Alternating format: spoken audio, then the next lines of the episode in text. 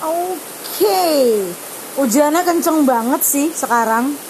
Gimana keadaan kalian semua yang di luar sana?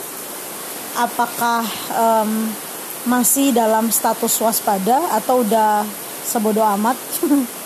Eh, mari kita menjaga diri kita paling tidak untuk orang-orang sekitar kita yang kita sayang.